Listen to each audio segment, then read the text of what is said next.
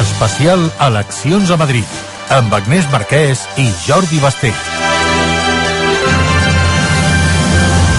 Un sondeig de GAT3 per les televisions públiques que confirma la victòria amplíssima d'Isabel Díaz Ayuso, que dobla els resultats que hauria aconseguit l'any 2011. Gairebé doblaria aquells resultats i es quedaria per la franja alta de la forquilla que li dona aquest eh, sondeig, 62-65 escons, es quedaria a 4 escons només de la majoria. El PSOE d'Àngel Gabilondo perdria 10 escons amb una forquilla d'entre 25 i 28. En va aconseguir 37. Mas Madrid es mantindria. Mas Madrid, eh, que el 2019 es presentava a Íñigo Rejón i ara Mònica Garcia, es mantindria, aconseguiria millorar lleugerament els resultats amb eh, una forquilla d'entre 21 i 24 escons. Vox, el gran interrogant de la nit, doncs eh, no milloraria substancialment els seus resultats respecte ara fa dos anys. Es quedaria amb entre 12 diputats, els que té actualment, i podria arribar, segons el sondeig, als 14. Què fa Unides Podem de Pablo Iglesias segons el sondeig? Eh, aconseguiria millorar els resultats, hi hauria un efecte Pablo Iglesias, passaria dels 7 actuals a una forquilla d'entre 10 i 11. I compta què és el que passa amb Ciutadans que desapareix del mapa, de tenir uh, 26 escons, de ser la tercera força política a l'Assemblea de Madrid, perdria tots aquests 26 escons es quedaria només amb el 3,2% dels vots, no arribaria, per tant, al 5%, que és el mínim eh, que s'ha d'obtenir per poder entrar a l'Assemblea de Madrid. Per tant, l'esquerra, per la franja alta de totes aquestes forquilles, es quedaria amb 63 escons, no arribaria, per tant, a la majoria absoluta, i el Partit Popular i Vox, la dreta que arrasa, superen junts de llarg el 50% dels vots. Marc Martínez Amat, bon vespre. Bon vespre, sí, si es confirma, i ho veurem veurem al llarg de la nit, a mesura que comencem a tenir les dades oficials del recompte, si es confirmen aquests resultats de l'enquesta de GAT3, el que veiem és que el PP recupera clarament l'hegemonia de què ha gaudit bona part de la història de la Comunitat de Madrid, amb aquests 62 i 65 escons, que són el doble dels que va aconseguir Isabel Díaz Ayuso el 2019, que havia fet un resultat pèssim, el pitjor històric de la sèrie del, del PP, doncs el doblaria aquesta nit, si es confirma això, mentre que el PSOE, que va guanyar les eleccions per primer cop en moltíssims anys, des del 80 77 a la nit eh, electoral del 2019 eh, baixaria, eh, perdria 10 escons, més de 10 escons eh, en aquesta nit electoral. Mas Madrid aconseguiria augmentar entre 1 i 4 escons, Vox eh, es mantindria igual, en creixeria 2, Unides Podem en creixeria 3 o 4 i Ciutadans amb una, en una caiguda històrica passaria dels 26 al 0 segons aquest sondeig. I com deies, el panorama de sumes és molt clar, és molt clar perquè el PP necessitaria o bé sumar amb Vox, o bé sumaria també amb PSOE, però també en tindria prou amb una abstenció d'algun dels grups per poder tirar endavant una investidura. Per tant, li sortiria molt barat a Isabel Díaz Ayuso poder continuar governant la comunitat. Algun eh, grup que decidís doncs, eh, fer per la passiva, fer amb la seva abstenció un cordó sanitari per tal que Isabel Díaz Ayuso no necessités dels, Vox, eh, dels vots de, de Vox per poder, per poder governar. No? D'aquesta manera, doncs, inutilitzar aquesta representació que hauria aconseguit Vox. Veurem què és el que passa, veurem si es confia confirma, en tot cas, on jo m'imagino que la celebració avui està assegurada és a Camp PP, és a la seu de Gènova, a Madrid, on probablement es faci, s'estigui fent avui, l'última nit electoral, perquè com sabeu se la venen, allà a les portes, al carrer, en moda itinerant a Madrid. A Jordi Basté, bon vespre. Hola, què tal? Com què? estàs, Agnès? Bé. Bueno, com, com ho veus tu? De moment guanya 100 a 0 els periodistes a l'afició, entre altres coses perquè no hi ha afició en aquests moments, però sí que hi ha una novetat respecte al que es diuen en altres eleccions. Ahir la Mar Poyato m'informava que quan a la seu del PP es col·loca una vestida exterior vol dir que ja es donen per victòria. Des d'aquest matí que hi ha aquesta vestida col·locada aquí, amb una imatge aèria de Madrid i amb una, evidentment amb la paraula que més ha fet servir durant la campanya electoral Isabel Díaz Ayuso, que és llibertat, una llibertat que penja també amb un cartell enorme, jo con Ayuso, amb un hashtag de Twitter que va de la baix d'aquesta seu del PP de Genova 13, amb una suggerent música que en aquests moments està sonant d'un d'un disjockey brasiler que es diu Ricardo Sisac, que evidentment no tinc el gust de conèixer, no, amb una cançó que es diu Sexy Nightmare, és a dir, malson sexy. I les obres, no? També tens obres per aquí al darrere. Bueno, tinc obres a tot arreu. És dir, hem, de, hem de comptar que estem... És, és curiós perquè el que sí que puc dir és que en aquests moments quan dic 100 a 0 ha aparegut un senyor amb una bandera espanyola i un altre senyor rebossat amb la bandera espanyola. La resta res, molta, molt, molt, molt, molts periodistes en aquests moments. Tothom dona per guanyador aquí a Madrid i aquí la notícia realment, i per això hem decidit, Agnès, avui fer micròfon itinerant, que és anar de seu en seu passejant per Madrid, una Madrid que aquí entraran els tertulians a debatre-ho, ha guanyat probablement perquè l'únic que té en comú amb la resta d'Espanya és la mascareta. Aquí no hi ha ni distància de seguretat, ni un toc de queda fulminant, hi ha un toc de queda evidentment a les 11 de la nit, però ahir vam poder comprovar que a les 11 de la nit aquí la gent continua passejant, botigues obertes, i no sé si la paraula és llibertat, sí, o fer el que els hi ha donat la gana, i realment la gent aquí ha comprat aquest discurs d'Isabel Díaz Ayuso, que mirant les dades jo crec que hi ha dos, dos enormes titulars, dos enormes titulars, un és la victòria d'ella, d'Isabel Díaz Ayuso, fins i tot diria que la pròpia marca per damunt de la pròpia marca del PP, i la segona, per mi, és la davallada bestial de Ciutadans. És a dir, la resta són matisos, el PSOE baixa, matisos de que Podem puja, que si Vox pot pujar, que si Mas Madrid pot pujar, efectivament aquí ens perdrem amb els matisos. Però els gros, dos grans titulars és la victòria inapel·lable d'Isabel Díaz Ayuso i el fracàs estrepitós de Ciutadans a Madrid. Un uh, Ciutadans que efectivament doncs, acaba tenint un paper um, del tot, uh, en fi, menys tenible perquè el um, Partit Popular engoleix directament l'electorat uh, que el 2019 va votar el Partit uh, Popular. Eh? Una Isabel Díaz Ayuso que hauria passat, si es confirmen aquestes dades, òbviament ara els col·legis electorals fa 7 minuts que han tancat, però passaria d'obtenir uh, el 22,23% dels vots al 43,7% dels vots, que és una, és una autèntica salvatjada i se li haurà de reconèixer a Isabel Díaz Ayuso haver sabut captar eh, el sentiment i les emocions de la gent, d'haver sabut captar el moment que passava la gent després d'un any de, de pandèmia per aprofitar en fi, aquell vol de la papallona, allò que va passar a Múrcia, com sabeu, eh? aquell, aquell eh, intent d'emoció entre Ciutadans i el, el PSOE per provocar una precipitació de la legislatura només dos anys després, captant i sabent utilitzar un llenguatge que, en fi, arrossegat, eh, ho confirmarem quan tinguem ja tots els eh, resultats i els vots escrutats, eh, però que ha arrossegat doncs, una àmplia majoria eh, cap a les seves files. Eh? Hauria aconseguit aquest 43,7% dels vots. Anirem veient si es confirma o no. De seguida traurem el cap a totes les delegacions, però abans deixeu-me saludar qui m'acompanya ja aquí a l'estudi. Joan Julivert, què tal? Bon Bona vespre. tarda. Titular, com ho veus? Uh, Ayuso ha aconseguit, com deies, uh, tenir una victòria pel que sembla àmplia i crec que la clau està en si superarà ella sola tota l'esquerra o no. Aquesta serà la batalla de la nit. Rafa, què tal? Què tal? Bona tarda. Com estem? Molt Rafa bé, López. doncs... Escolta, no podria estar més d'acord amb el Joan. És a dir, ara el que es planteja... Prim, primer haurem de veure si això es confirma, perquè és molt interessant els barris, els districtes, com han anat evolucionant. Sembla que hi ha una evolució, un avenç a tots els barris, independentment, de, independentment del vot eh, que, que va succeir el 2019. Aquest avenç s'ha produït i, per tant, no hi ha una significació estadística entre barris eh, més de dretes o barris més d'esquerres, però veurem, veurem la composició, si pot haver-hi alguna sorpresa. Però jo crec, com el Joan deia, ara la batalla, eh, un cop descartada una possible majoria absoluta de la senyora Ayuso, estarà en si Ayuso necessitarà o no necessitarà Vox. Només per la batalla d'avui, sinó per la batalla d'algunes properes generals. És a dir, un Partit Popular eh, que depengui de Vox a Madrid li complica la vida al senyor Pablo Casado i un Partit Popular que no depengui de Vox li facilitaria la vida, entre altres coses, perquè ha engolit Ciutadans, amb el qual la reconstrucció del centre-dreta s'ha posat en marxa i no dependria de, de Vox. Això només ho pot aconseguir si la senyora Ayuso avui treu un escó més que tota l'esquerra junta. Veurem què és el que acaba passant. Anem a treure el cap a les delegacions de les seus dels partits. A Gènova, dins de, de la seu del Partit Popular, Marc Poyato, quin ambient es respira per aquí?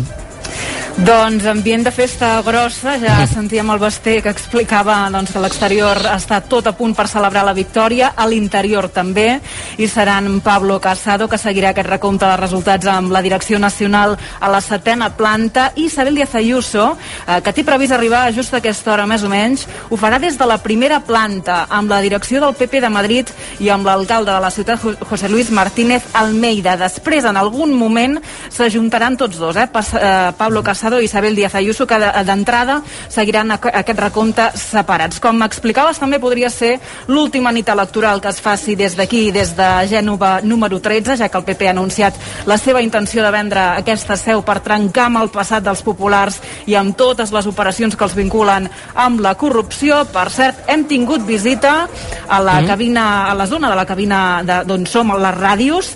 Ens ha vingut a saludar Toni Cantó, que ja el tenim aquí preparat per seguir aquesta nit electoral. Sí. Ens ha dit que està molt content, que ho veu molt bé, mm. que els sondejos els hi donen eh, doncs això, que molt bons resultats i que també estava eh, impactat i ha dit és una animalada, animalà, en valencià ho ha dit, el, la participació, la dada de la participació i de tota la gent, la gentada que avui ha anat a votar. Efectivament, una participació que a les 7 de la tarda doncs, estava 11 punts per sobre de la de les 7 de la tarda l'any 2019 i frega el 70%. El 70% havíem dit que a partir del 70% doncs, era un llindar a partir del qual doncs, podien passar coses que, que l'esquerra doncs, eh, que això impliqués una mobilització dels eh, municipis del sud de la Comunitat de Madrid i que això pogués afavorir doncs, més vot de l'esquerra. El sondeig no ho apunta no. Rafa. Sí.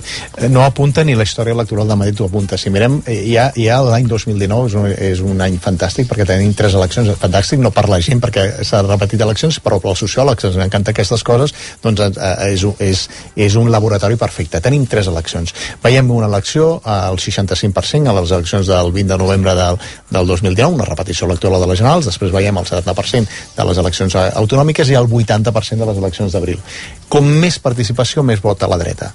És a dir, a Madrid no es compleix això que es compleix en altres parts d'Espanya. Sembla que repetim un mantra que, que més participació més vot a l'esquerra, no? Depèn de la sociologia. Uh, uh, és cert que la dreta a Madrid ha, i fins i tot ha aconseguit anar a una transversalitat d'una identitat madrilenya que l'esquerra no, ha sabut, no ha sabut treballar. Això és el que teníem. El que sí que, el que, sí que havíem d'estar molt, molt, molt amatents era si la composició canviava, és a dir, si de sobte els barris del sud, sobretot barris del sud, districtes del sud de Madrid, i municipis del sud aportaven quelcom que no aportava altres barris. Però veiem, repetim, que a les 7 de la tarda més o menys aquesta participació es mantenia, pujava sense significacions estadístiques per districtes, municipis de dretes o districtes, municipis d'esquerres. Mm. Amb el qual eh, es preveu que això no passi i que fins i tot reforci una mica el, el, el sector del centre-dreta, que amb un 80% va arribar al 54% dels vots. Veurem eh, si es compleix aquesta norma de que arriba a aquest 54% entre Partit Popular, Ciutadans, encara que no entri, sí. i Vox. Veurem.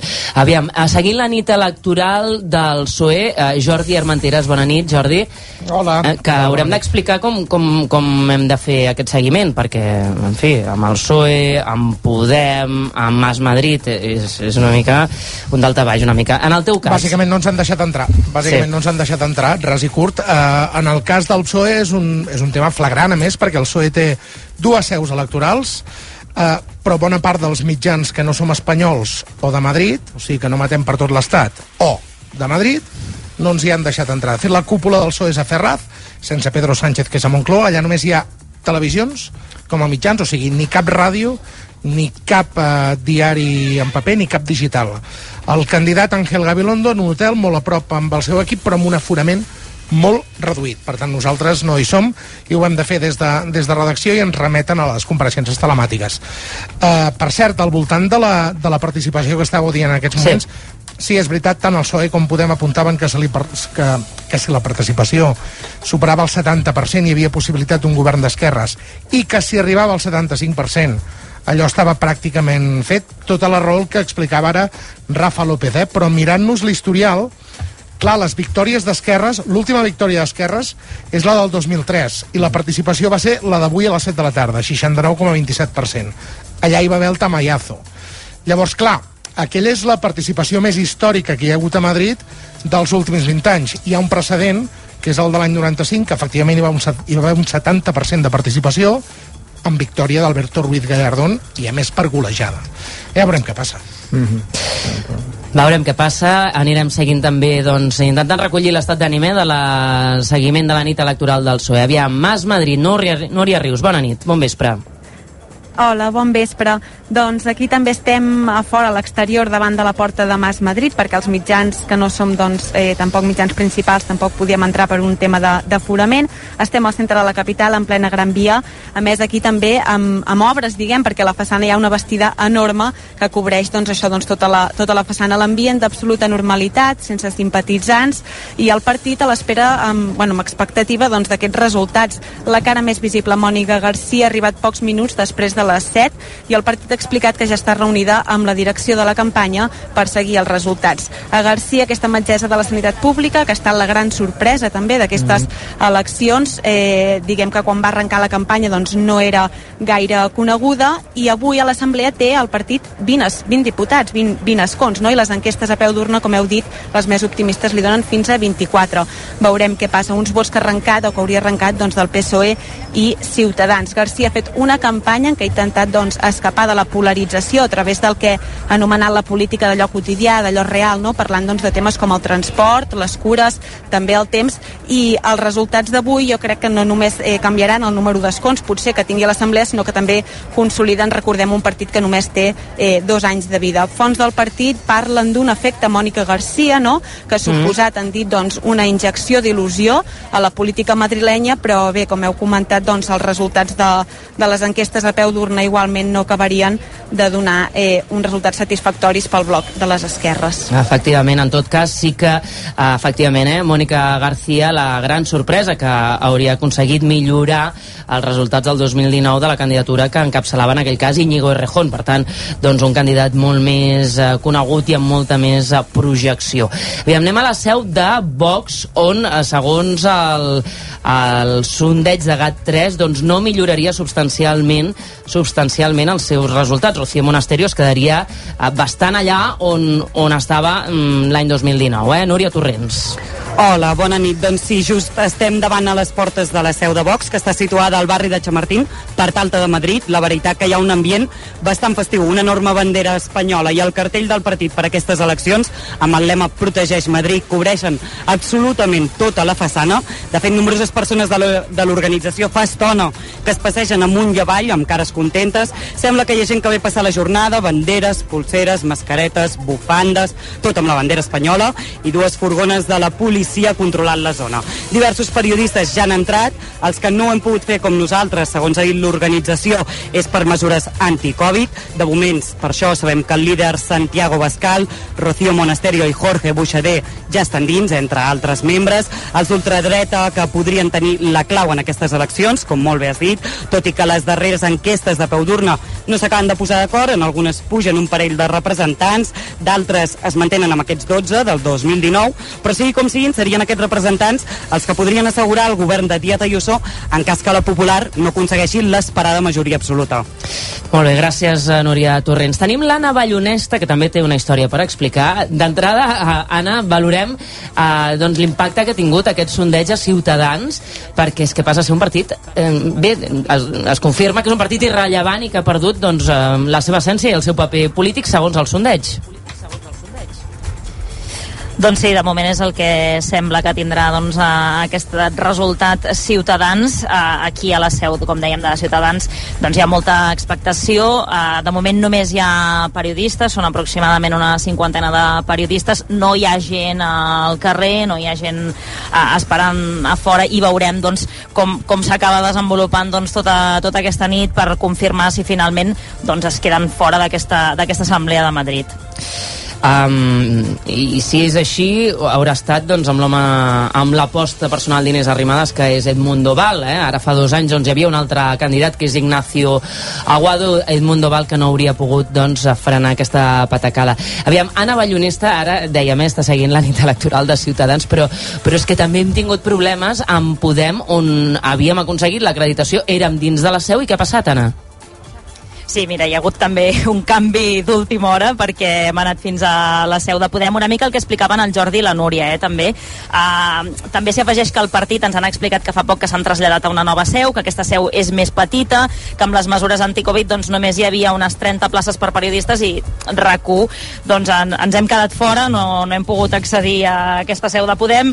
Hem hagut d'anar una mica corrents fins a Ciutadans, on sí que teníem acreditació com deien, doncs, ara estem aquí a la seu de Ciutadans. Pel que fa Podem, uh, Uh, com dèieu ara també doncs, estaran molt pendents d'aquests resultats, molta expectació per saber si finalment hi ha o no aquest efecte Pablo Iglesias, un candidat de Podem que aquest matí, quan ha anat a votar, ha estat un dels més matiners, ha dit que, que hi haurà una gran lliçó democràtica, veurem doncs, com acaba repercutint aquest suposat augment de la participació al partit d'Iglesias. A principis de març, recordem que les enquestes els donaven entre un 5 i un 6% d'intenció de vot, però després que Iglesias decidís encapçalar la llista, doncs aquesta xifra va pujar fins al 7%. Veurem com s'acaba convertint això en escons amb una campanya que també, recordem, ha estat marcada aquests últims dies doncs, per aquestes amenaces que, que Iglesias va rebre. Molt bé, gràcies, Anna. És que, és clar, Podem ens ha cancel·lat avui l'acreditació a dos quarts de set del vespre. Ahir ho van fer PSOE i Vox, eh, ahir la nit és a dir, no sé, el seguiment d'una nit electoral no és una cosa que s'improviси d'un dia per l'altre, ni per part dels partits ni per part dels mitjans de comunicació. A mi em sembla uh, una bajanada. O sigui, aquestes desconvocatòries, no? aquesta, uh, en fi, aquesta retirada de l'acreditació, la, mm, doncs, uh, en fi, demostra una mica com, com es fan les coses, també. Aviam, Marc, um, dos sondejos més, enquestes sí. a peu d'urna, en aquest cas. Tenim més enquestes, hem comentat al principi la de GAT3 per les televisions públiques, però n'han sortit d'altres d'enquestes de la nit electoral electoral eh, n'hi ha, per exemple, totes van en la mateixa línia. Eh? De fet, en treu una La Razón, d'NC Report, en treu també una de eh, El Espanyol, de Sociomètrica, i totes dues apunten al PP com a guanyador amb al voltant dels 60 escons, entre 58 i 62. Eh, el PSOE en tindria 30, o, en el cas de Sociomètrica, entre 26 i 29 empataria amb Mas Madrid. En canvi, eh, la Razón ens diu que Mas Madrid en tindria 22. Vox es quedaria amb entre 12 i 15 en tots dos casos. En el cas d'Unides Podem, eh, 11, tot i que l'Espanyol situa que està a la ratlla del 5% de vots i, per tant, també podria ser que quedés sense representació i, en tots dos casos, Ciutadans no apareix en aquesta nova Assemblea Regional de Madrid. Veurem eh, el col·legis electorals tancats ja des de fa 22 eh, minuts. El Partit Popular d'Isabel Díaz Ayuso, és clar, si anem a mirar una mica la lletra petita del que diu aquest, eh, d'aquest sondeig de GAT3, acaba arrossegant vot al PSOE per, per vots pel Partit Popular per Podem, per Mas Madrid, vull dir, la candidatura i l'aposta que havien fet per Àngel Gabilondo, que era una no aposta, era una aposta continuista en tot cas, no? des de, de la que es va fer l'any 2019, que, que no ha funcionat, però que no genera cap sorpresa el fet que no hagi funcionat, no? Eh, vaja, eh, jo crec que té a veure molt amb quina és la filosofia del, del PSOE com a partit moderat quan eh, es polaritza la situació política, el PSOE i el PSC a Catalunya, per exemple, pateixen molt eh, perquè no és aquest el seu llenguatge, no és aquest el seu discurs eh, i segurament no, no han trobat eh, el camí ni no sé si el trobaran, eh? perquè yeah. això d'intentar moure's. Eh, aquella cosa tan, tan de dretes de dir jo no soy ni d'izquierdes ni de derechas, que és tan de dretes, no? Yeah. Això no mobilitza el vot d'esquerres, que és el que hauria de mobilitzar el PSOE. Per tant, el que acaba és perdent. Si algú vol votar a la dreta, eh, quan està polaritzada la situació política, vota directament a la dreta. I si vol votar a l'esquerra, vota directament a l'esquerra. En relació a la polarització, sí. eh, només mm, un apunt. Eh, normalment, eh, els periodistes eh, pequem de veure en la polarització la simplicitat del llenguatge polític, eh, no és bona la polarització, etc etc. La demostració és que la polarització tant a Catalunya 2017 com a Madrid 2021 comporta que la gent voti més i s'ha dit s'interpel·la més a l'elector. I tots sabem que si hi ha més votació hi ha més legitimitat del vot. Per tant, com en, hauria d'haver una sèrie de plantejaments que potser entre tots reformuléssim, perquè la polarització no ha de per què ser dolenta.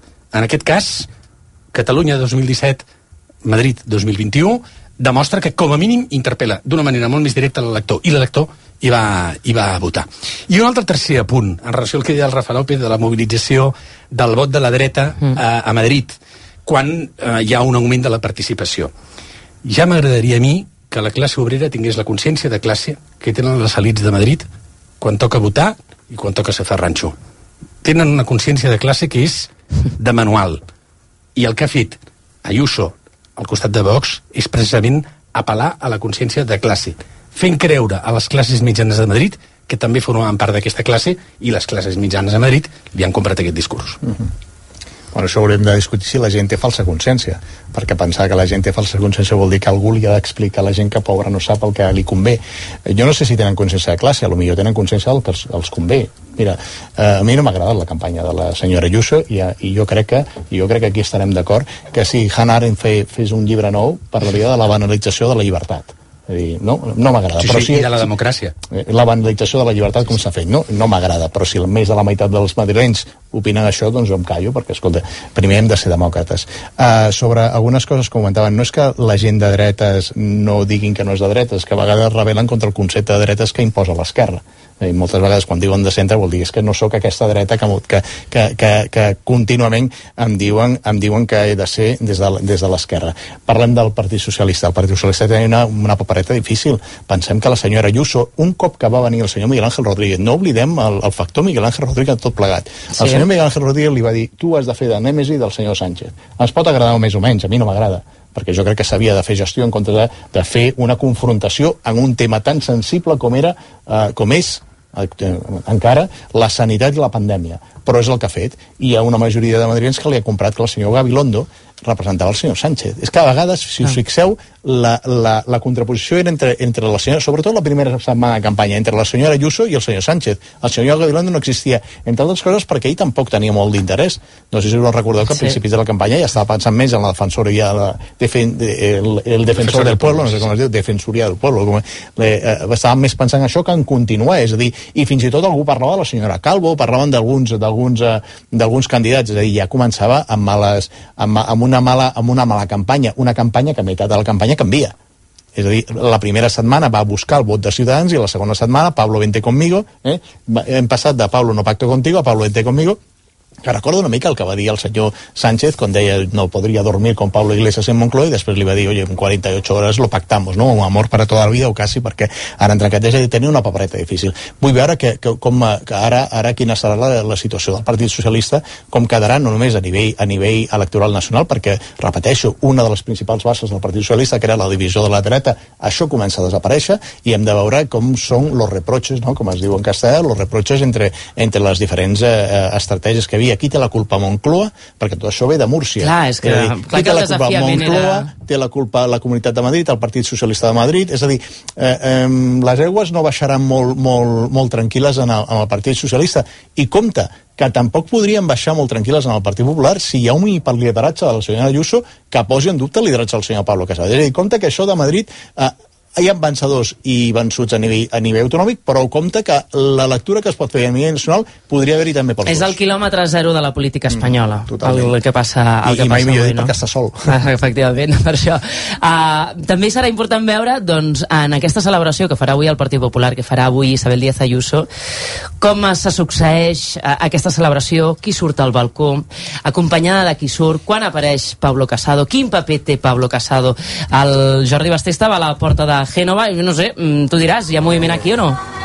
comença a haver-hi moviment i dir que ens hem hagut d'allunyar d'aquesta zona, entre altres coses, perquè el disjockey és un catxondo i ha començat a posar la música en un nivell que des d'aquí enviem una salutació a l'amic Sergi Pàmies, si ens està escoltant, que sempre ha criticat a la megafonia del Camp Nou directament proporcional al zumbat que està posant la música en aquests moments que fins i tot la policia està demanant, sisplau, que baixi el volum perquè és certament insuportable. Està sonant, per cert, una cançó que es diu Idilio d'una cantant que es diu Argentina. Eh, està en aquests moments tallat al carrer Gènova i ja comença a arribar molta gent, per cert, gent molt jove, eh, en aquesta seu del carrer Gènova, a l'exterior, molt poca gent coneguda, està a punt d'arribar, ens diuen, a través del pàrquing del, de la seu del paper del carrer Gènova, Isabel Díaz Ayuso, que és sens dubte la gran protagonista d'aquesta nit electoral, per saber efectivament per quan guanya, si podrà governar en solitari i per veure el resultat final que haurà obtingut la gran guanyadora d'aquesta nit, que ja tots els sondejos eh, tots els sondejos diuen poca gent coneguda, algun interventor que es passeja una mica marejat a través de la música que està escoltant aquí al Genova 13 i només hem pogut veure de persones conegudes el dissenyador Lorenzo Caprile i a una, pàgina, a una plaça, la plaça Villa de França, on hi ha, per cert, el Tribunal Suprem i l'Audiència Nacional passejar amb el seu gos la periodista Maria Patiño.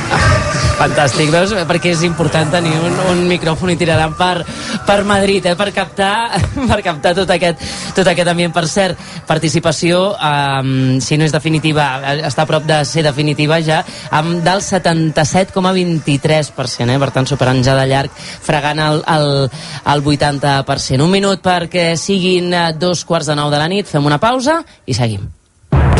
Tota la informació de la jornada electoral a RAC1.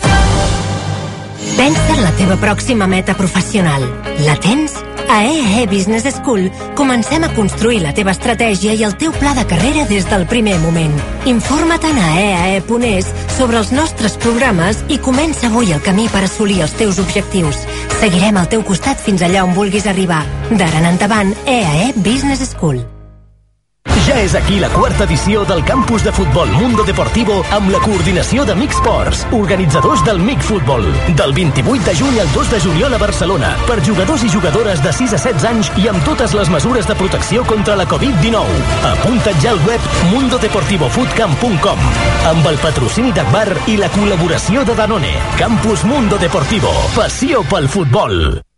Direcció estratègica, neuromàrqueting, domini d'eines digitals són algunes de les qualitats en el currículum dels estudiants de SIC Barcelona. Descobreix els graus i les dobles titulacions oficials en màrqueting, empresa i negocis digitals amb la possibilitat d'estudiar-los en anglès. Visita les sessions informatives o informa't a esic.edu barra Barcelona. ESIC, centre adscrit a la URB.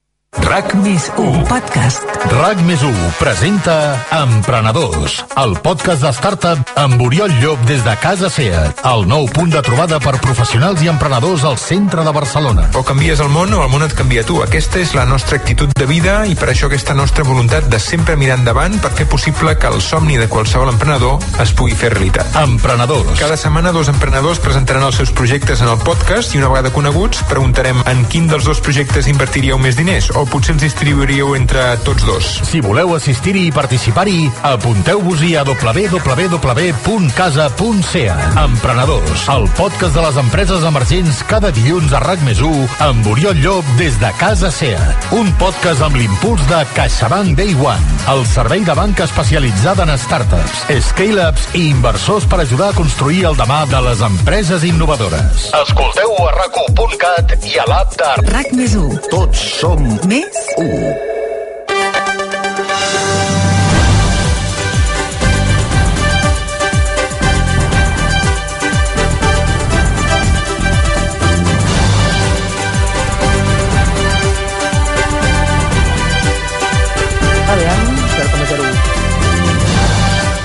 Doncs uh, 8 i 32 minuts, efectivament estan mirant que ha començat ja l'escrutini de vots, eh, però en fi, és insignificant encara, eh? és del 0,01%. Uh, cent. Una de les claus que haurem de valorar doncs és, eh, efectivament, quan es confirmi al marge de la victòria d'Isabel Díaz Ayuso, és veure per què es produeix aquesta, aquesta victòria, no? Per què eh, la Comunitat de Madrid, els madrilenys, doncs, dipositen en ella tota aquesta confiança justament després d'un any de la, de la pandèmia. Jo crec que després parlarem també, eh, perquè haurem d'explicar què és el que ha passat avui aquí, com quedarà el toc de queda, dissabte, diumenge, en fi, tot això que, que avui s'ha aclarit un, una, una mica, no? però que significativament hem viscut tan diferent a Barcelona eh, i s'ha viscut a Madrid, jo diria, tan diferent s'ha viscut a Madrid de la resta de, de la resta d'Espanya, no? Isabel Díaz Ayuso doncs, ha anat a la contra sistemàticament i sembla que això doncs, li pot haver donat eh, aire. Teníem el cap eh, eh, i els ulls i les orelles eh, davant de la seu de Gènova, el Partit Popular, i li llenço primer de tota aquesta pregunta al, al Basté. Tu que ets aquí, tu que portes aquí doncs, 24 hores, eh, Jordi, has parlat amb gent, tu què, quina creus que és la clau d'aquesta victòria d'Ayuso?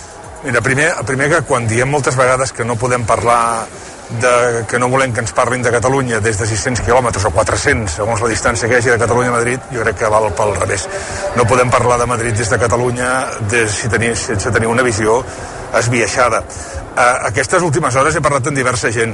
He entrat a bars, he parlat amb, amb molta gent. És veritat que no és un, és un fet, direm, que anecdòtic amb la gent que he pogut arribar a parlar, però sí que amb companys periodistes que en els últims mesos hem pogut arribar a conversar. Aquí hi ha un fenomen que es diu Isabel Díaz Ayuso, que va molt més enllà de les sigles del seu partit, que va més enllà dels barons del seu partit, que va més enllà fins i tot dels, dels presidents de les comunitats autònomes que tenen la seu del Partit que tenen les, la marca del Partit Popular, estic parlant de Moreno Bonilla, el que és el president d'Andalusia, o de Núñez Feijóo, el president de Galícia, sinó que és una marca pròpia. Aquesta marca pròpia es basa en, una, en un element que per mi ha estat clau i que a més t'ho diuen tota la gent de Madrid, que és l'autoestima, és a dir, aquí hi ha hagut una mena d'autoestima del país, de la, de, de, la, de la regió, de l'autoestima de Madrid, és una ciutat que en aquests moments l'única igualtat que té amb la resta d'Espanya és la mascareta, la resta, torno a repetir, és una ciutat que viu eh, tot està obert, és a dir, jo ara en aquests moments està, estic passejant en direcció a la plaça de Colón, que segurament tindrà molt a veure també en aquesta nit electoral depenent del resultat, eh, totes les terrasses estan plenes de gent, la gent està passejant, tu entres en un local i els locals la gent està sense cap tipus de distància de seguretat, la distància de seguretat no es mereix en metres sinó pams, eh, és una ciutat absolutament normal amb, amb l'única diferència és que si tu aterres aquí des de fa dos anys, l'única diferència és la mascareta. La resta és una ciutat que viu absolutament amb la gran normalitat. Hi ha hagut efectivament un traspàs de ciutadans cap al Partit Popular. També s'haurà de preguntar per què el PSOE, després d'un resultat com el que va tenir Pedro Sánchez, obté aquest resultat en aquests moments a la Comunitat de Madrid. I crec que la pandèmia té molt a veure, és a dir, aquesta, aquesta ciutat i aquesta comunitat recupera l'autoestima per una dona que tot això que ens sembla a nosaltres unes marcianades, aquestes frases que dius marcianades, és Madrid, és Espanya dentro d'Espanya i Espanya és Madrid, i que et semblen un autèntiques rocades per la ciutadania d'aquí no, se li ha recuperat l'autoestima. I permeteu-me que faci una comparació molt odiosa, que no ningú me l'agafi en paper de fumar, però que és així. Per què va guanyar Joan Laporta les eleccions a la presidència del Barça? Per què va vendre eh, il·lusió? Va vendre alegria. Aquesta senyora porta tres mesos venent alegria i al costat s'ha trobat amb un candidat del PSOE molt acadèmic, però extraordinàriament avorrit s'ha trobat com a gran rival amb un eh, candidat a Unides Podem que li ha posat la cara perfecta per poder fer un pols magnífic entre el que és l'esquerra més, més direm-ho per ella, més extrema i la dreta menys extrema perquè ella la dreta té Vox. I s'ha trobat amb unes circumstàncies que han fet afavorir en un moment donat el que ha estat una ciutat que ha viscut directament en contra de tot allò que proposava des de l'Organització Mundial de la Salut dels del que proposava la Unió Europea, del que proposava el Ministeri de Sanitat. Ell ha fet el seu camí, l'ha fet acompanyat de la gent i li ha sortit també que avui, si no té la majoria absoluta, governarà amb molta facilitat a l'Assemblea la, Regional de Madrid. Efectivament, a més és que li han posat al, cap de, al davant una, una esquerra sempre emprenyada i sempre preocupada, no? És a dir, Pablo Iglesias ha fet de creu d'aquest esperit que, que al final, eh, o aquest toc ha sabut trobar Isabel Díaz Ayuso. És que, Agnès, li ha sortit una cosa molt bé, a més. És a dir, aquesta senyora ha guanyat unes eleccions només participant en un debat, en un debat que més no el va guanyar. Tampoc el va perdre, però no el va guanyar. El debat de Telemadrid, ella apareix i desapareix. En canvi, el següents debat ni ha anat. Ni ha anat, li ha donat el protagonisme a Rocío Monasterio i a Pablo Iglesias en el de la, en el de la SER i en els altres ni tan sols hi ha anat, amb la qual cosa vol dir que ella, amb una campanya electoral on l'únic que, que ha anat dient és la llibertat, la llibertat és una paraula que vist des de, des de Catalunya té un, té, un, té, un, té un significat. Vist avui, aquí a Madrid, en té un altre, i aquesta llibertat per ella és perquè molts madrilenys, que és que està, és una ciutat oberta, que és una ciutat que l'única diferència en totes les il·legalitats que vulguis veure, en totes les irracionalitats que vulguis veure, en totes les insolidaritats que vulguis veure, que segur que hi són, però per la gent d'aquí que, li, que ella digui, que aquesta gent li diguin escolti, no, és que resulta que a 400 quilòmetres o a 800 o a 2.000 quilòmetres la gent no viu amb la normalitat que viuen ells, per ells és una victòria. I aquesta victòria els fa sentir, doncs això, els fa sentir, oi, eh, feliços. I és la diferència que en aquests moments ha donat aquesta senyora, que senyora a partir de la seva, molts cops, vista en perspectiva des de fora del que és Madrid, i racionalitat, ha fet que la gent se senti aquí absolutament racional i que la normalitat aquí és portar mascareta i la resta festa major. I com deia el Juliana, que és una frase terrible, terrible, per mi és terrible aquesta frase, però que reflexa molt bé el que ha estat la gestió pandèmica d'Isabel Díaz Ayuso és el muerto al hoyo i el vivo al bollo. Després d'aquesta frase, eh, poc queda dir, no? però eh, en realitat abans, quan jo parlava de la polarització, eh, efectivament, jo crec que l'esquerra té un problema eh, que és eh, endogàmic de la mateixa esquerra, que és que no sap crear els seus propis marcs i normalment fa marcs per reacció de la dreta. Per tant, eh, segueix el curs que la dreta li va marcant. En aquestes eleccions s'ha vist claríssim. No sé per què l'esquerra estava discutint sobre la llibertat, aquest era el lema de, de la senyora Isabel Díaz Ayuso, mm. i s'han embrancat en el lema de la senyora Isabel Díaz Ayuso. Per tant, anaven repetint el que era el mantra de la senyora Isabel Díaz Ayuso. Però, en realitat, aquesta polarització que hem vist en aquestes eleccions, que ens pot semblar frívola a partir del, del fenomen aquest de la paraula llibertat i de la simplicitat d'alguns conceptes, el que amaga és un debat molt profund que ja m'agradaria que haguéssim tingut a Catalunya en algunes ocasions, que és el debat ideològic de dos models de societat un és hedonista, que és aquest que ara mm, Sí. estava explicant el Jordi Basté, del Muerto al Bollo, al Loyo i el Vivo al Bollo, eh, que és un model que a més a més exportem d'una cosa que es deia Tea Party als Estats Units, que va acabar amb els neocons i Donald Trump als Estats Units, i és un model neoliberal, en el qual l'individu i el que jo pugui fer, el que em doni la gana, es posa per damunt de la visió pública de la política, de la visió col·lectiva de la política. I hi havia un altre model, que és un model que ho col·lectivitza tot, però que ho explica molt malament, perquè sembla que només vulgui col·lectivit- col·lectivitzar pels vulnerables, pels pobres, pels desafavorits. I aquest és un problema que té endogàmic l'esquerra en el seu discurs, perquè aleshores només interpel·la una part de la societat. I aquí és on vosaltres parleu del tema de la il·lusió. Evidentment, Ayuso interpel·lava tothom. Ayuso feia, com deia el Jordi Basté, de la porta guanyarem títols. Eh? Mm. Endavant no sabem com. És una senyora que recordem que va prometre una baixada d'impostos en les passades eleccions que no ha fet, els ha tornat, a, ha tornat a fer aquesta promesa. En aquell moment va prometre una baixada històrica de los impuestos en Madrid, eh, no hi ha hagut ni històrica ni no històrica, no hi ha hagut baixada d'impostos per l'esparra de la senyora Ayuso i que només ha fet una llei en els mesos que porta en l'Assemblea de Madrid i dirigint el govern de Madrid i era una llei que, mira tu per on en relació a allò que deia de la consciència de classe afavoria els especuladors del sol a Madrid Eh, és a dir, acabava de rematar el dret de la vivenda dels ciutadans de Madrid perquè aquesta especulació del sol ja l'havia fet Aznar en el seu moment. Ah.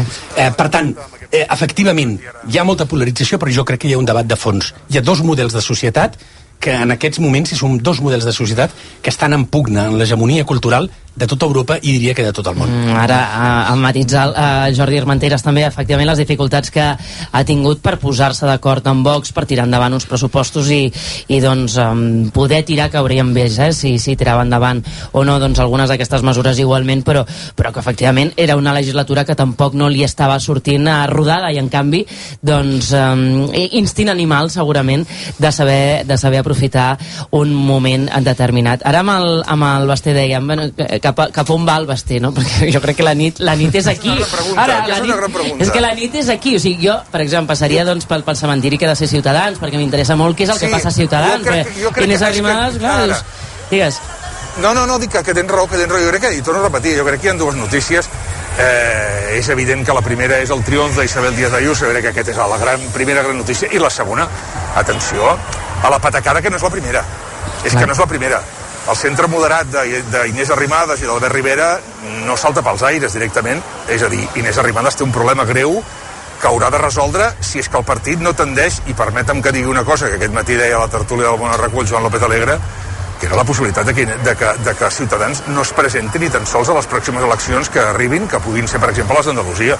És a dir, el resultat que ha tret Ciutadans, eh, no oblidem, eh, passa de 26 a 0. Sí, Però sí. és que venim d'unes últimes eleccions a Catalunya que passem d'una altra patacada històrica de, de guanyar les eleccions al Parlament de Catalunya el 17 a una patacada eh, gairebé residual, amb la qual cosa la segona gran notícia que jo veig aquí és Ciutadans, jo puc passar per allà però clar, m'aniré amb una seu que probablement en aquests moments el més destacat serà la gent que hi ha al seu voltant, si és que hi ha restaurants al voltant, eh, la gent eh, sopant. Sí, sí, sí. Sí, sí, sí. Poc moviment Està deu ple de haver restaurant, Jordi. en aquella Com? zona, eh? Restaurants i més s'hi menja molt bé. No, no, que és la zona de ventes, llavors està ple de restaurants i a més s'hi menja molt bé i veuràs que hi haurà terrasses que probablement no hi podràs seure perquè estaran a petar. És que, esclar, ah. Clar, jo sento una vida, un so darrere, un so ambient darrere, no? quan parla el Jordi Basté i està el seu micròfon obert, que clar, aquí a Barcelona, a les 8.43, doncs és molt difícil de trobar, perquè bàsicament doncs, perquè tot està, tot està, tot està tancat, no? Tot està tancat. Agnès, estic, estic a la, en aquests moments estic a la plaça Colón, val? Mm, Eh, és a dir, sí. aquí no hi ha res, aquí no hi ha res eh, amb cap tanca, amb la qual cosa, si no hi ha cap tanca vol dir que aquí no hi ha previst que hi hagi res, entre altres coses perquè una de les tres potes de la, de la famosa festa de Colón mm, s'ha anat a, saltar pels aires, que és Ciutadans. Eh, per tant, aquí no hi ha res previst. Per tant, la plaça Colón queda eliminada dels centres neuràlgics de, les, de la nit electoral. Val? Primera. Segona, en aquests moments la plaça Colón hi ha un embús descomunal, entre altres coses, perquè on que està tallat al carrer Gènova hi ha embús. Però és que, si tu veus la gent pel carrer, el Museu de Cera està obert. El Museu de Cera és un local tancat. Tancat. Yeah. Tancat, és a dir, no hi, no hi ha aire lliure. Amb la qual cosa, com diu l'Armenteres, aquí la gent viu amb una normalitat i les terrasses, evidentment, la gent fa una temperatura he de dir que avui el dia ha acompanyat molt, fet una temperatura al migdia que sobrava qualsevol jaqueta, hem arribat als 20 i tants graus, amb la qual cosa les terrasses aquí funcionen és a dir, no, no, és que de debò, feu-me confiança i això l'Armentera us ho, puc, ho pot explicar i la Mar Poyato, que és, bueno, i tota la gent que està aquí a Madrid, a Madrid que és que no hi ha punt de comparació visual el paisatge de, de Madrid amb el paisatge de Catalunya des d'un punt de vista pandèmic, agafa-ho com vulguis.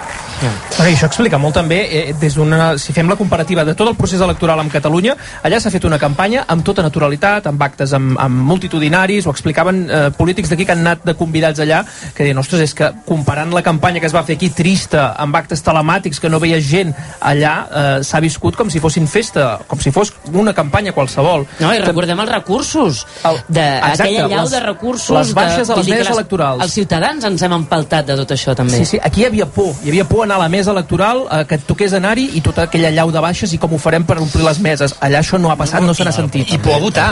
Aquí va baixar molt la participació. Oh, Allà la participació també, exacte. Clar, però, però estàvem, també estàvem en una altra època, eh? estàvem a la tercera onada, és a dir, en plena tercera onada, estàvem fins i tot amb una por, no? el cos de què passaria després del, de, del Nadal, amb pujades a la, a la SUCI, recordo que va passar al gener, és a dir, estàvem en una situació molt, molt diferent del que estem ara, amb una sortida, vulguis o no, les vacunes donen molta confiança, encara que sigui falsa confiança. No, no faig un discurs crític, eh? dic, dic eh, analític del, del que pot passar no? sobre aquest tema i per tant, i per tant no, hi ha que, no hi ha hagut aquesta por. Independentment que culturalment Madrid... Eh, Però fa dos mesos Madrid ja estava obert. Sí, per suposat, perquè i, i aquí a, a, apunto el que comentàveu. Culturalment Madrid sempre ha estat un, una ciutat que ha viscut molt, molt al carrer, molt més que aquí. Eh, sí, jo me'n recordo que eh, quan et posaven el cas eh, que quan la gent sortia de, de la feina Sí, a Madrid sí. anava a fer una canya, aquí no, aquí a Barcelona sempre anàvem cap a casa i tots anàvem i eh, és, és, a dir, és un tema, és un tema que jo crec que, que és un tema cultural. Eh, sobre model de societat, jo estic d'acord. Home, eh, com a mínim s'ha debatut d'alguna cosa que és, que és ideologia encara que sigui amb la component aquesta eh, component dualista que s'ha intentat posar, no? És molt més gratificant parlar del socialisme o liberalisme que no, doncs, d'aquesta, eh, a vegades hauria que s'ha sentit, no?, política, en el sentit del frontisme que, que hi havia. Hi ha hagut una mica d'ideologia. De totes formes, de models de societat hi ha, hi ha més de dos. I de models de societat dintre del mateix partit, perquè no és el mateix el que fa la senyora Díaz Ayuso a Madrid que el que fa a Juan Moreno a, a Andalusia. És a dir, dintre del partit també hi ha diferents models. Jo no parlaria de trumpisme, per això jo deia que a vegades això que et defineixin des de l'esquerra molesta a vegades, no?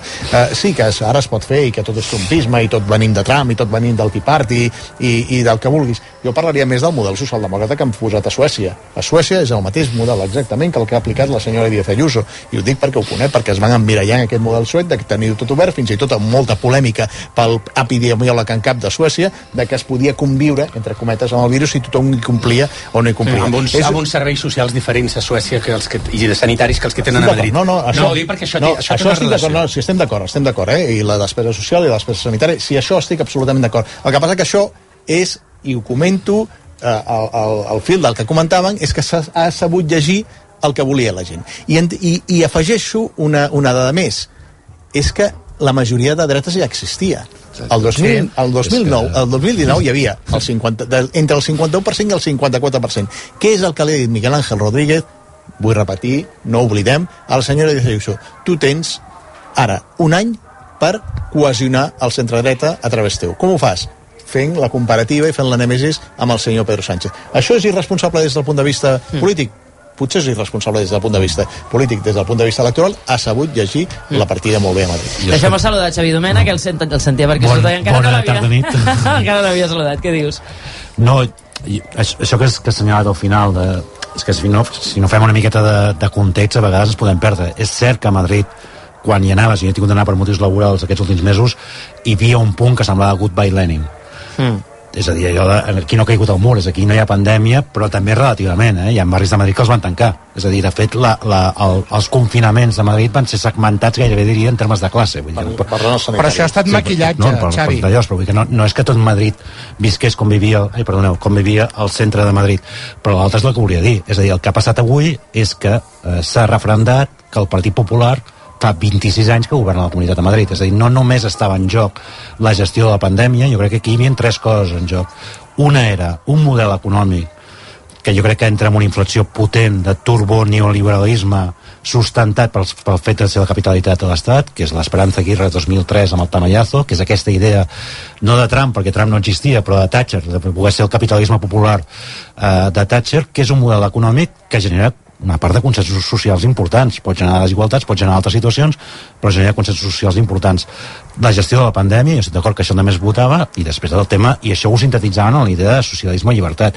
Quan ells parlaven de eh, em sembla molt bé que estàveu dient que s'han confrontat grans models ideològics, però jo crec que quan, quan ells parlaven de socialisme o llibertat no estàvem parlant de Stuart Mill o estàvem parlant dels grans principis del liberalisme polític, estàvem parlant bàsicament gairebé diria que era una reedició del Partido de la Gente del Bar és a dir, a les canyes perquè això el deia, és que ho deia sí, l'Esperanza Ja. l'Esperanza Díaz Ayuso deia, "Escolta, Madrid què és? Què és el Madrid? és que nos vamos a tomar una caña cuando nos da la gana això era, Sí, això sí. no era, a missa, eh, no era també el gran dir. projecte liberal confrontat amb el socialisme T'has perdut, perdona, t'has perdut la meva frase al principi que deia que si Hannah Arendt escrivís un llibre ara, sí. que és al cap, seria la banalització de la llibertat. Però- però- Sí, però- També és veritat, però també és Eh, veritat, Xavi, però- també és veritat, Xavi, que Eh, eh, però en aquest- mirar cap enrere. en, en aquest hacer lo que a mi me dé la gana Sí. sí. que té a veure amb un neoliberalisme que Sí, té a veure sí. amb posar l'individu per davant del Sí, col·lectiu. sí, no, i amb, un, i, amb, un- i amb un model... No, però jo només volia assenyalar dues coses. Jo crec que aquí hi ha la victòria del Partit Popular, que és evident Bueno, no ho sé encara, hem de veure les seves Sí, enquestes confirmes, clar. doncs, és- és- Però si les enquestes confirmes la victòria del Partit Popular, que és la reedició d'unes victòries que venen dels 90, no és quelcom eh, absolutament nou. La desaparició de Ciutadans, si es confirma, jo crec que és... Mm, és a dir, recordem com comença això.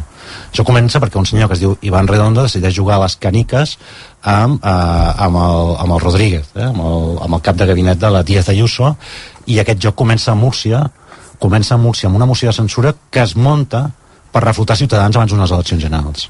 I aquesta jugada, que és una jugada d'Ivan Redondo, ha sortit fatal, perquè si hi ha un perdedor, és a dir, hi ha un guanyador, evident que és el PP, però si hi ha un perdedor aquí és el PSOE. És molt evident, si l'enquesta es confirma, és que el PSOE ha perdut, no sé, 10 escons, Mas Madrid i Podemos superen si es confirma l'enquesta, aquest resultat. I clar, això eh, a la Moncloa hauran de reflexionar una miqueta sobre què han jugat i què ha passat i, que, i treuran conseqüències eh, pel futur del meu pare. Mm -hmm.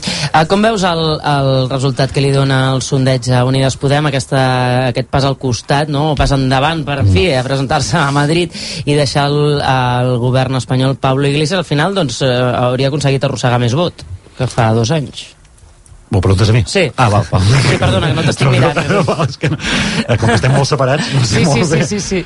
Home, jo crec que les enquestes apuntaven que Unides Podemos desapareixia de l'art parlamentari, no, no és que hagi incrementat 3, és que jo diria que s'ha- s'han salvat els mobles i s'ha augmentat el, el resultat.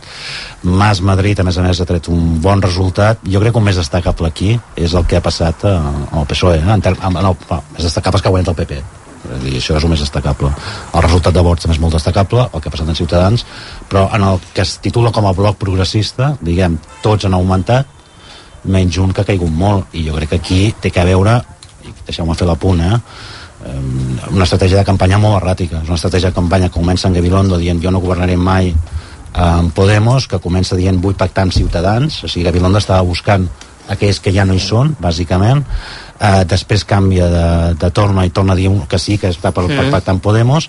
Entremig eh, Pedro Sánchez diu ja me pongo yo eh? amb la qual fa bo el mar de la Díaz Ayuso que és el que buscava la Díaz Ayuso la Díaz Ayuso diu jo quiero confrontar con el gobierno de España i s'hi posa el Pedro Sánchez al mig de la campanya que és el president no, no és, no és, el Pablo el que fa és deixar la vicepresidència i anar a la campanya però és que l'altre actua des de fora i jo crec que el, aquí de- deixeu-me fer una Sí. un, un breument i ja està. El 2015, a les eleccions generals, si no recordo malament, a les eleccions generals del 2015, el PSOE va quedar a la Comunitat de Madrid com a quarta força política. Va guanyar el PP, va quedar segon Podemos, va quedar tercer Ciutadans i el PSOE quarta. Els resultats que havia tret el PSOE en les anteriors eleccions a la Comunitat de Madrid del 2019 són molt bons resultats pel PSOE, molt bons resultats que estaven en la onada de creixement del Pedro Sánchez després de recuperar-se el secretari general, arribar a la moció de censura, etc etc. Ara aquests eh, bons resultats mm, s'han esfumat una miqueta i jo crec que aquí haurà d'haver-hi algun tipus de reflexió estratègica, diria, eh? diria. A veure com avança la nit, perquè, escolta, el recompte de vots marca... Molt lent, molt lent, 7 encara minuts per les 9 i això no avança. No, estem al 0,07%. Si mirem el mapa 0,07. que, del, de la web oficial, veiem que re, eh, tot just eh, tenim meses de potser una dotzena de, de municipis, n'hi comença a haver alguna de, de Madrid, i per tant els resultats són zero mm, significatius, molt poc significatius. Ara mateix, si els hi féssim cas, eh, el PP ja és primera força amb aquests resultats, amb 58 escons, i sumaria majoria amb els 11 de Vox, que seria l'última força. Veurem eh, si a mesura que vagin passant els minuts agafa, agafa ritme i velocitat. Ara farem una pausa. Aviam, eh, Jordi Basté. Hola. Què? Què faràs? Me'n vaig a Ciutadans, no? Sí, sí. Jo crec que sí. No riguis, Domènec, no Home, riguis. és que vols, vols anar al funeral i passar-t'ho bé. No, vaig, vull, anar vull, anar a veure, no, vull anar a veure Ciutadans aviam, aviam què tal, perquè és molt interessant saber què passarà a partir de demà. Ciutadans Sí, sí. té una... En aquests moments, Ciutadans, jo el que crec que no vol és quedar com UPyD, i el pas que va eh, té un problema gravíssim i, eh, Inés, Inés Arrimadas. Però en fi, em vas cap allà i després ho comentem si, si voleu. Perfecte. I després també li vull preguntar amb el Xavi Domènec què creu que passarà amb Pau Iglesias, perquè a mi em costa veure l'assegut eh, a l'escó de l'Assemblea Regional de Madrid. No sé si ho aclarirà avui. Qui, el Pablo Iglesias? Sí. Sí. Tu, tu, bueno, Pablo, el Pablo sempre és imprevisible. Dir que no m'atreviria jo a vaticinar res. No, jo crec que el Pablo té, té una tasca que almenys dura dos anys, que és la tasca... És que s'haurà de veure el resultat. Clar, és, que s'haurà de, és que estem parlant amb una enquesta, llavors no m'atreveixo. Ja. Però jo crec que té una tasca important, que és la, assegurar la transició cap a Yolanda Díaz. I, i aquesta tasca no crec que l'abandoni, per tant jo crec que estarà en política. Tu creus que des de Madrid, és a dir, perquè hi ha una cosa que l'altre dia li vaig preguntar i no em va saber, no em va voler contestar, que és que si ell pot continuar vivint a Madrid. I t'ho dic amb, amb la sinceritat de dir que és una persona que està en el punt de mira, ja no només per les amenaces, sinó per molta gent que aquí no el pot ni veure. Amb la qual cosa no sé jo si el millor que li pot passar és que abandoni la capital. Jo ja en- entenc perfectament el que dius, eh, uh, Jordi, però també és veritat, és també, també, fàcil, eh, també, és, és veri- rebós, eh, també és veritat que és que s'ha de confirmar l'enquesta, però ha millorat resultats, vull dir que també hi ha molta gent que el pot veure, perquè si no, uh, no, No, no, no, no, no, no, no estem d'acord, estem d'acord, però viure d'aquesta manera, jo li vaig dir, vell, O sigui, la- és l'agressivitat- una manera de viure que a mi no m'agradaria. L'agressivitat, es- tens tota la raó, perquè l'agressivi- agressivitat que ha practicat la dreta i l'extrema dreta, dreta amb la construcció eh, del, de l'enemic, eh, ja carent de qualsevol eh, respecte, eh, és duríssima. Tant en el cas del Pablo com la Irene, que jo crec que ho hem, ho hem viscut en primera persona de forma duríssima. Ara bé, el Pablo, jo crec que ell es dona compte del que està passant a Madrid i aquí hi ha dues lectures del que està passant a Madrid. Una és la lectura del que pot passar amb Podemos, és a dir, que Podemos pot desaparèixer no només ara desapareix, sinó que incrementa alguna cosa, i l'altra és la lectura de tenemos que dar la batalla de Madrid, perquè pensem, posem-nos en el cas del Gabilondo. El Gabilondo és el candidat Gabilondo volia ser el defensor del poble. És que tant sap greu Sí, perquè sí, sí. volia ser defensor del poble, era el que Sí, sí, volia. sí, sí, sí. Eh, feia anys que volia ser defensor del poble i el, el Pedro Sánchez va anar buscant candidats i tothom li va dir que, bueno, que ja pa más adelante, no? que ara mateix ser candidat a Madrid al PSOE no els interessava i semblava que no hi havia batalla de Madrid en aquell moment i llavors el Pablo jo crec que fa una jugada i escolta, intentem com a mínim donar eh, aquesta batalla però a part hi ha una altra cosa que és, jo, és, és evident que és l'última batalla és a dir, que, que, que això anuncia eh, una retirada la retirada d'allò, ara no crec que sigui immediata és la Clar, millorant opinió. resultats, no? No, Una però, retirada immediata. no, i a més a més perquè jo crec que està pensant en dos anys, tres anys vista. És a dir, perquè eh, aquí hi ha moltes coses que s'han de, de fer encara. Ara, ja ho veurem. Jo no en tinc ni idea. Sí, no, no, no s'hauria aventurar. Sí, sobre això que comentaves, sobre- és cert que hem, hem arribat a... jo- A mi m'ha preocupat molt la campanya de l'electoral de Madrid per aquesta agressivitat que s'ha viscut, eh? I sempre he condemnat, i s'ha de condemnar en noms i cognoms totes les agressions que ha rebut. Mm. Ell, ella i els seus fills, sobretot. I els seus fills. S'ha de condemnar absolutament. Però també hem de recordar que qui va venir dient que això dels scratches era jarabe, eh, jarabe democràtico i que s'havia de normalitzar l'insult a la vida política, l'insult a la vida política va ser Pablo Iglesias. Jo, és que no puc, no puc admetre-ho, però el següent. No va dir mai que s'havia de normalitzar a, l'insult. una, a, una, a una roda de premsa a, a la seu del govern. Però el que et dic és No, que a a independentment d'això, ho dic per la que gent, és a perquè un altre cop, un militants de altre cop és... eh, amb una casa, amb un una cop escletxa sembla que és la dreta, No que és a la dreta, per això, eh? per això, per això, clar, no t'estranyi que la gent digui que no és de dretes de centre perquè la construcció que es fa de la dreta és aquesta, no? No és cert, no és cert. I, i algú va venir dient això. i es repeteixo, això no vol dir que s'ha de condemnar sempre per la seva dignitat, la dignitat de la ministra i la dignitat del, dels seus fills. I segon, jo crec, jo crec que en aquests moments Pablo Iglesias ha aconseguit una cosa que en principi de campanya eh, hem oblidat. Eh, en principi de campanya eh, qui estava més fregant el 5% cap avall era Podemos, era Unides Podemos. És a dir, això que estem vivint ara i que el Jordi ara vi, viurà ara, aquest funeral que viurà ara Ciutadans, mm. s'hauria produït a, a, a Podemos. I, I més quan veiem l'èxit que ha tingut Mónica García de Mas Madrid. Mm. Imaginem que no és el candidat Pablo Iglesias, eh, podria haver passat moltes coses, però imaginem ara que no era el candidat Pablo Iglesias, que era un- una persona que encara tenia un, una, una, una valoració important dintre el votant de- d'Unides Podemos, Em, jo crec que en aquests moments estaríem parlant de dos funerals, a Ciutadans ja. i a Podemos. És a dir, ha salvat no ha salvat l'esquerra, però com a mínim ha salvat el projecte a l'espera de que doni pas a la Yolanda García. Mm. En minut i les 9, Astrid Barrio, què tal? Bona nit. Hola, bona nit. Com ho veus? Es, uh, ja veus uh, encara res, uh, vot escrutat, res, no, no el podem comptar. Tenim el sondeig de GAT3, aquesta uh, victòria inapel·lable de Díaz Ayuso per confirmar la desaparició, la irrellevància total de, de Ciutadans en el panorama polític i la resta doncs, peces que es mouen lleugerament però sense, sense, gaire, sense gaire més importància. Doncs això es confirma poques sorpreses no? respecte, respecte al, que, al que es preveia, però crec que mm, la prudència aconsella que esperem, perquè bé, els, el que hem vist en els, últims, en els últims anys és que aquestes enquestes o aquests trackings al final mm, s'equivocaven. La tendència és molt clara,